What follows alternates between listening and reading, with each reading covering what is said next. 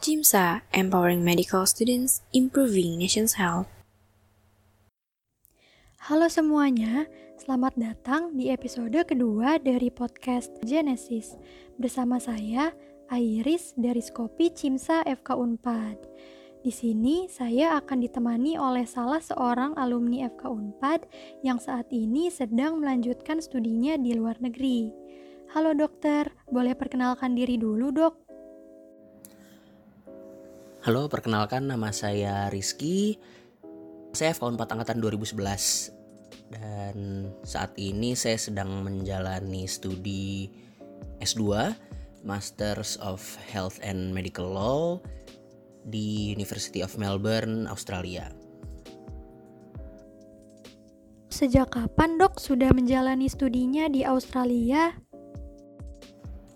Untuk studi saya itu mulai sekitar bulan Februari 2020 dan rencananya akan selesai sekitar bulan Desember 2020 atau Januari 2021. Berarti selesai sekitar 3 sampai 4 bulan lagi ya, Dok? Kalau boleh tahu, apakah ada alasan tersendiri mengapa dokter memilih negara Australia sebagai negara tujuan studi? Kalau ditanya kenapa pilih Australia sebagai negara tujuan studinya, sebenarnya satu karena di Australia tepatnya di University of Melbourne itu adalah salah satu universitas yang memang menyediakan program studi di bidang health law. Itu satu. Kedua juga memang kalau Australia ini secara akses dari Indonesia lebih cenderung lebih mudah ya lebih deket juga jaraknya flightnya nggak terlalu lama dan flightnya dulu sebelum ada lockdown dan sebagainya itu memang tersedianya cukup sering selain itu juga visanya lebih gampang didapat jadi sebenarnya itu sih kurang lebih beberapa alasan kenapa saya milih Australia sebagai negara tujuan untuk studi saya. Kalau untuk akhir-akhir ini kesibukannya apa saja dokter? Kalau untuk kesibukan saya akhir-akhir ini jelas satu kuliah walaupun kuliahnya secara online gitu ya. Kebetulan juga kalau saya di law school kuliahnya itu nggak rutin tiap hari tapi biasanya dalam satu minggu itu ada sekitar lima hari waktu untuk lecture dan sisanya dihabiskan dengan membuat research paper gitu. Dan karena selama ini juga kuliahnya online jadi ya kita cuman ya di depan laptop aja kita uh, diskusi sama teman-teman dan sama dosennya juga via online via Zoom biasanya. Selain itu saya juga masih ada kegiatan mengajar secara online untuk lembaga pendidikan kedokteran swasta. Sebelumnya, terima kasih dok sudah bersedia untuk menjadi narasumber di episode kedua Genesis ini. Tanpa berlama-lama lagi, Mungkin langsung masuk ke pertanyaan mengenai health system saja ya dok. Untuk pertanyaan pertama, berhubung saat ini dokter sedang melanjutkan studi mengenai health and medical law di Australia, boleh dijelaskan sedikit mengenai sistem kesehatan di Australia dok? Jadi kalau untuk sistem kesehatan di Australia itu terbagi menjadi dua bagian utama, yaitu ada public health system dan private health system. Untuk public health system itu tersusun dari beberapa komponen seperti public hospital, terus juga ada community based service dan health organization yang memang dikelola oleh pemerintah. Nah, untuk public health system ini bisa diakses oleh masyarakat Australia secara gratis atau dengan harga yang lebih murah melalui suatu sistem yang dinamakan Medicare. Kalau untuk private health system, intinya itu adalah penyedia jasa kesehatan, penyedia pelayanan kesehatan yang memang dimiliki dan dikelola oleh pihak-pihak swasta seperti private hospital seperti itu atau misalkan spesialis-spesialis yang memang praktek pribadi atau juga farmasi yang memang dikelola oleh pihak-pihak swasta. Tadi dokter menyebutkan bahwa pada public health system ada yang namanya Medicare untuk akses kesehatan gratis atau untuk meringankan biaya pengobatan ya dok. Boleh dijelaskan lebih lanjut mengenai sistem yang ada pada Medicare ini dok? Lalu apa perbedaannya dengan private health insurance pada private health system? Oke, jadi Medicare ini adalah semacam skema pembayaran untuk pelayanan kesehatan yang dikelola oleh pemerintah. Nah, Medicare ini asalnya atau source of fundingnya ini sebenarnya dari pajak gitu. Nah, apa aja sebenarnya yang di cover oleh Medicare? Yang di cover oleh Medicare itu misalnya ada pelayanan atau pengobatan bagi pasien di public hospital. Untuk pasien-pasien di private hospital memang dia tidak 100% di cover, tapi bisa ada sekian persen yang di cover oleh Medicare juga gitu. Terus pemeriksaan atau tes-tes diagnostik itu bisa di cover juga dan sebenarnya yang paling beneficial adalah apabila pasien akan mendapatkan obat-obatan yang diresepkan gitu ya. Nah, itu akan ada semacam potongan harga atau mendapatkan harga yang lebih murah karena di cover oleh Medicare ini. Terus bagaimana dengan private health insurance? Jadi kalau di Australia memang cukup banyak warga di sini yang memiliki private health insurance juga. Apa aja yang sebenarnya di cover oleh private health insurance? Di sini yang di cover oleh private health insurance itu utamanya ada dua hal.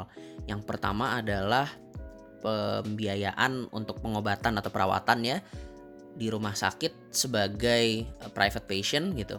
Dan yang kedua adalah pengobatan yang memang tidak di cover oleh Medicare. Contohnya adalah pengobatan gigi atau eh, fisioterapi atau pemeriksaan untuk kacamata itu dia tidak di cover oleh Medicare. Sehingga biasanya kalau memang mau mendapatkan treatment seperti itu dan mau di cover gitu ya, itu harus menggunakan private health insurance. Jika dibandingkan dengan sistem kesehatan di Indonesia, kira-kira perbedaannya apa ya, Dok? Untuk perbedaan utama dari sistem kesehatan di Australia dan di Indonesia mungkin mengenai pembayarannya ya. Jadi kalau Medicare itu di Australia dia kan pembayarannya berasal dari pajak. Sedangkan kalau di Indonesia kan untuk sistem jaminan kesehatannya bagi yang non PBI gitu ya itu kan bayar berdasarkan kelas sedangkan kalau yang PBI itu kan dibiayai dari APBN gitu mungkin satu perbedaan lagi itu terkait pembayaran untuk rumah sakit swasta gitu ya, private hospital. Jadi kan memang sebenarnya di Indonesia itu seharusnya BPJS juga sudah terintegrasi dengan rumah sakit swasta ya. Tapi memang setahu saya belum 100% berjalan. Nah, sedangkan kalau di Australia ini Medicare juga akan mengcover cost dari pasien-pasien di rumah sakit swasta walaupun tidak 100%. Jadi memang ada list Eh, tindakan-tindakan uh, atau penyakit-penyakit yang bisa di cover walaupun tidak 100% gitu dan nanti sisa atau selisih dari cost tersebut dari fee yang harus dibayarkan pasien itu yaitu baru akan dibayarkan sendiri. Jadi untuk perbedaan utamanya ada pada sistem pembayarannya ya dok. Lalu untuk pertanyaan selanjutnya, saya penasaran nih dok pada situasi pandemi seperti ini, apakah ada dampak yang signifikan terhadap sistem kesehatan di Australia?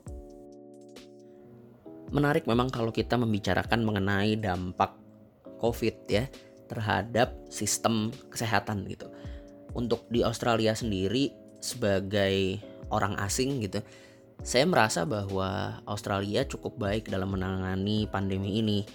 Sistem kesehatannya cukup bisa menahan laju pandemi ya walaupun dengan beberapa catatan.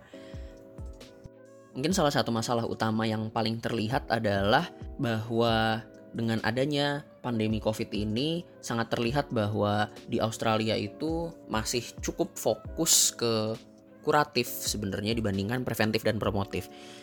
Memang walaupun sudah banyak wacana mengenai pemfokusan pelayanan preventif dan promotif namun pada kenyataannya pelayanan kuratif ini masih menjadi suatu prioritas di Australia. Dengan adanya pandemi Covid ini semakin terlihat sebenarnya pentingnya pelayanan preventif dan promotif. Kemudian dalam mengatasi pandemi COVID ini, apa saja sih langkah-langkah yang diambil oleh pemerintah Australia? Untuk langkah-langkah yang sudah diambil oleh pemerintah Australia terkait penanganan pandemi COVID ini, kita bisa bagi menjadi beberapa hal. Karena di Australia itu pemerintah daerah ya atau kita anggapnya state government itu memiliki kewenangan atau kebebasan dalam mengambil keputusannya sendiri. Sebagai contoh, saya tinggal di Melbourne, yaitu di state-nya adalah Victoria. Nah, untuk Victoria ini mereka merupakan salah satu state dengan kasus tertinggi, kasus terbanyak. Akibatnya, langkah-langkah yang diambil oleh pemerintahnya itu cukup ekstrim bisa dibilang seperti penutupan border ya, jadi menutup perbatasan wilayah antara Victoria dengan state yang lain. Selain itu juga menerapkan lockdown yang cukup ketat. Walaupun di sini namanya bukan lockdown ya, di sini namanya adalah restriction. Contoh restriction yang diterapkan misalnya untuk bisnis-bisnis hanya boleh berjalan apabila termasuk ke dalam bisnis yang esensial. Misalnya di bidang healthcare atau untuk grocery seperti itu. Lalu secara individu juga kita tidak diperbolehkan untuk keluar kecuali untuk alasan seperti pelayanan kesehatan atau grocery shopping. Lalu alasan-alasan seperti untuk pendidikan gitu. Ada juga limitasi yang diberikan yaitu limitasi jarak. Jadi seseorang itu tidak boleh pergi atau keluar dari rumahnya dengan jarak lebih dari 5 km. Misalkan untuk olahraga itu boleh selama dalam radius 5 km dari tempat tinggalnya. Dan yang cukup menarik juga ada pembatasan curfew atau jam malam. Jadi jam malam di Melbourne waktu beberapa minggu yang lalu itu adalah dari jam 8 malam sampai jam 5 pagi. Di luar itu semua ada kewajiban bagi warga untuk memakai masker apabila memang keluar rumah. Apabila tertangkap tidak menggunakan masker, maka akan dikenakan denda. Jadi setiap state atau setiap pemerintah daerah itu penanganannya berbeda-beda ya dok, tergantung dari tingkat penyebarannya. Lalu bagaimana dengan pemerintah pusatnya dok? Apakah ada hal-hal tertentu yang sudah dilakukan khususnya oleh pemerintah pusat dalam menangani pandemi ini dok? pemerintah pusat sendiri memang ada beberapa hal yang sudah dilakukan. Yang pertama misalnya gitu, memastikan bahwa Australia itu sudah mendapatkan akses uh, terhadap vaksin yang sekarang sedang diteliti ya. Lalu juga menyediakan pendanaan untuk aspek-aspek lain dari pelayanan kesehatan seperti telehealth gitu. Lalu program-program yang mendukung dan atau mensupport mental health lalu juga memastikan ketersediaan APD ya serta memberlakukan adanya restriksi perjalanan atau travel restriction dan karantina mandiri dan wajib gitu ya bagi orang-orang yang akan pergi ke luar negeri gitu atau memang baru saja pulang dari luar negeri. Yang kedua mungkin yang sempat cukup ramai itu adalah penghentian atau pengurangan dari operasi-operasi elektif gitu. Memang sih ini adalah sesuatu yang sangat wajar untuk dilakukan ya.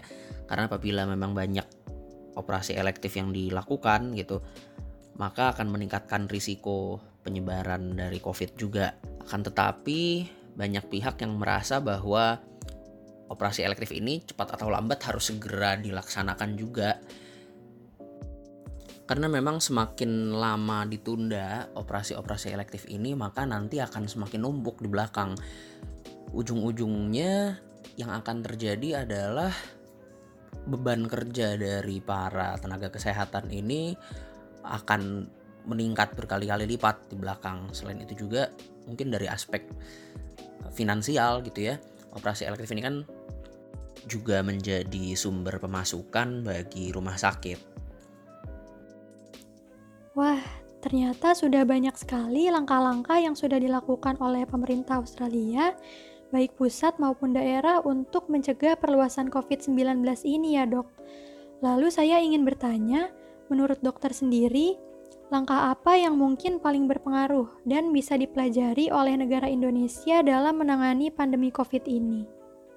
Menurut saya yang paling penting bisa dipelajari dari respon Australia terhadap pandemi COVID ini adalah bagaimana mereka melakukan testing dan tracing. Bisa dibilang Australia ini cukup gencar ya dalam melakukan uh, testing bagi warganya gitu. Selain itu, tracing yang dilakukan pun cukup maksimal. Jadi misalnya ada satu orang gitu yang pergi ke satu restoran, pasti akan diminta nama, nomor telepon, dan alamat. Sehingga apabila terjadi suatu hotspot atau suatu klaster penyebaran baru dari restoran tersebut misalnya, maka orang-orang yang berkunjung ke restoran itu itu bisa dikontak dengan mudah gitu. Jadi tracingnya itu mudah. Baik dok. Kemudian terlepas dari pandemi COVID, menurut dokter apa yang bisa diterapkan dari sistem kesehatan di Australia untuk memajukan sistem kesehatan di Indonesia? Ada beberapa hal yang mungkin bisa kita pelajari dari sistem kesehatan di Australia ini. Yang pertama yang menurut saya menarik adalah bagaimana mereka menjadikan pajak sebagai sumber utama untuk funding healthcare system mereka. Yang kedua mungkin yang cukup menarik juga adalah bagaimana mereka sudah bisa mengintegrasikan telehealth dalam healthcare system mereka gitu. Jadi dengan sudah terintegrasinya telehealth dengan healthcare system mereka, daerah-daerah yang lebih terpencil pun tetap bisa mendapatkan pelayanan kesehatan yang cukup baik. Walaupun kembali lagi kita harus mengingat bahwa apabila telehealth ingin diimplementasikan maka harus didukung dengan infrastruktur yang memadai gitu. Dan mungkin yang terakhir adalah bagaimana di Australia itu sistem pelayanan kesehatan di bidang swasta pun sudah terintegrasi dengan cukup baik dengan healthcare system mereka yaitu Medicare. Jadi berdasarkan apa yang dokter katakan, hal-hal yang mungkin bisa diterapkan yaitu dari sisi administrasi keuangan dan pemanfaatan teknologinya ya dok terutama pada penggunaan telehealth yang bisa memeratakan akses pelayanan kesehatan bahkan sampai ke daerah terpencil, namun dengan catatan adanya infrastruktur yang memadai. Seperti itu ya, Dok. Baik, Dok. Untuk sesi tanya jawabnya sudah selesai. Sekali lagi terima kasih banyak dokter atas informasi-informasi yang sudah dokter sampaikan dan tentunya informasi tersebut akan sangat bermanfaat bagi kami semua untuk dijadikan referensi dalam memajukan sistem kesehatan di Indonesia.